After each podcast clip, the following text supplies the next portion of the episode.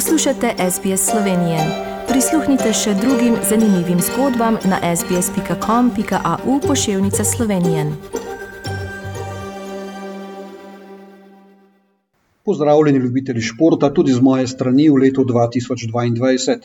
Še eno leto olimpijskih iger je pred nami in za zaključek še leto s svetovnim prvenstvom v nogometu vmes pa kupica takšnih in drugačnih športnih vrhuncev, ki nas bodo zagotovo na račun uspehov slovenskih športnikov navdušili. V tem stilu se je najprej končalo leto 2021, potem pa leto 2022 tudi začelo. Na zadnji dan starega leta smo na ljubnem obsavini spremljali prvo od dveh tekem smučark skakavk, ki so letos primerno dobile svojo tako imenovano silvestrsko turnejo. Pri fantih že dolgo let spremljamo novoletno turnejo, prav Slovenija pa je bila pobudnica, da bi kaj podobnega organizirali tudi v ženskih skokih.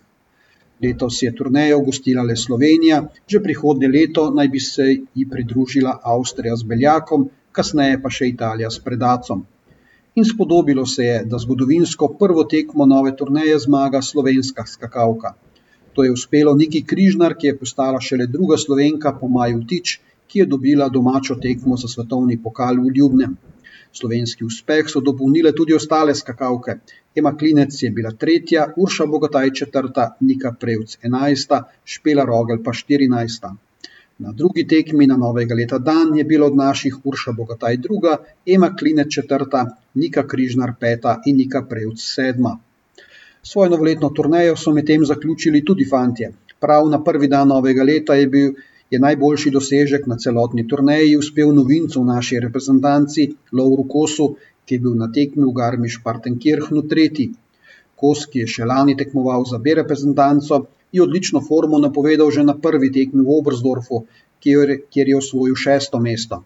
Po stopničkah na drugi tekmi mu je odlično kazalo celo v boju za najvišja mesta v skupni razvrstitvi vseh štirih skakalnic, vendar se mu je ob odličnem skoku v prvi seriji tretje tekme pripetila napaka, zaradi katere je tretjo tekmo končal izven najboljše trideseterice.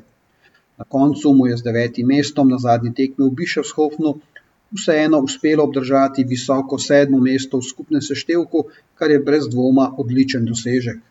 Naš drugi najboljši v seštevku štirih skakalnic je bil Lanišek na šestnajstem mestu. V skupnem seštevku tekem svetovnega pokala je Ljanišek še vedno na visokem šestem mestu, Cene Prevce 12, Timi Zajc 13, Lauro Kos pa sedaj 16. Svojo novoletno turnejo so opravili tudi tekači na smučeh. V seštevku vseh tekem je bila Ana Marija Lampič skupno 12, pri čemer je na prvem od dveh sprintov, ki so bili del turneje, osvojila tretje mesto, na drugem pa je bila četrta. Alpski smučar in smučarke so imeli čez novoletne praznike nekoliko več premora. Na prvi tekmi novega leta v Zagrebu je Ana Bucik osvojila osmo mesto. Eden od vrhuncev sezone, vsaj kar se dekle tiče, pa nas čaka že danes v Krajinski gori, kamor so še tretjič zaporedoma zaradi pomankanja snega preselili mariborski tekmi tradicionalne zlate lisite, lisice. Danes je na sporedu veleslalom, jutri pa še slalom. Seveda tudi v Sloveniji močno odmeva zaplet z nastopom Novoka Djokoviča na prihajajočem prvem Grand Slam teniškem turnirju sezone v Melbournu.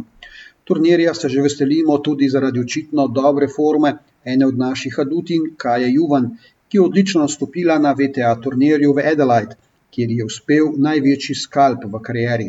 V osmini finale je namreč premagala trenutno drugo igralko sveta, Belorusinjo Arino Sabalenko, z dve proti ena v nizih. Žal ji predstave ni uspelo ponoviti v četrtfinalu, kjer je dvoboj z Japonko Misaki Doj zapravila dve zaključni žogi. To je bil prvi pregled športnega dogajanja v Sloveniji v letu 2022, ki sem ga za vas pripravil Tomaš Ambrožič, ki vas prav lepo pozdravljam. Všečkaj, deli, komentiraj. Spremljaj SBS Slovenijo na Facebooku.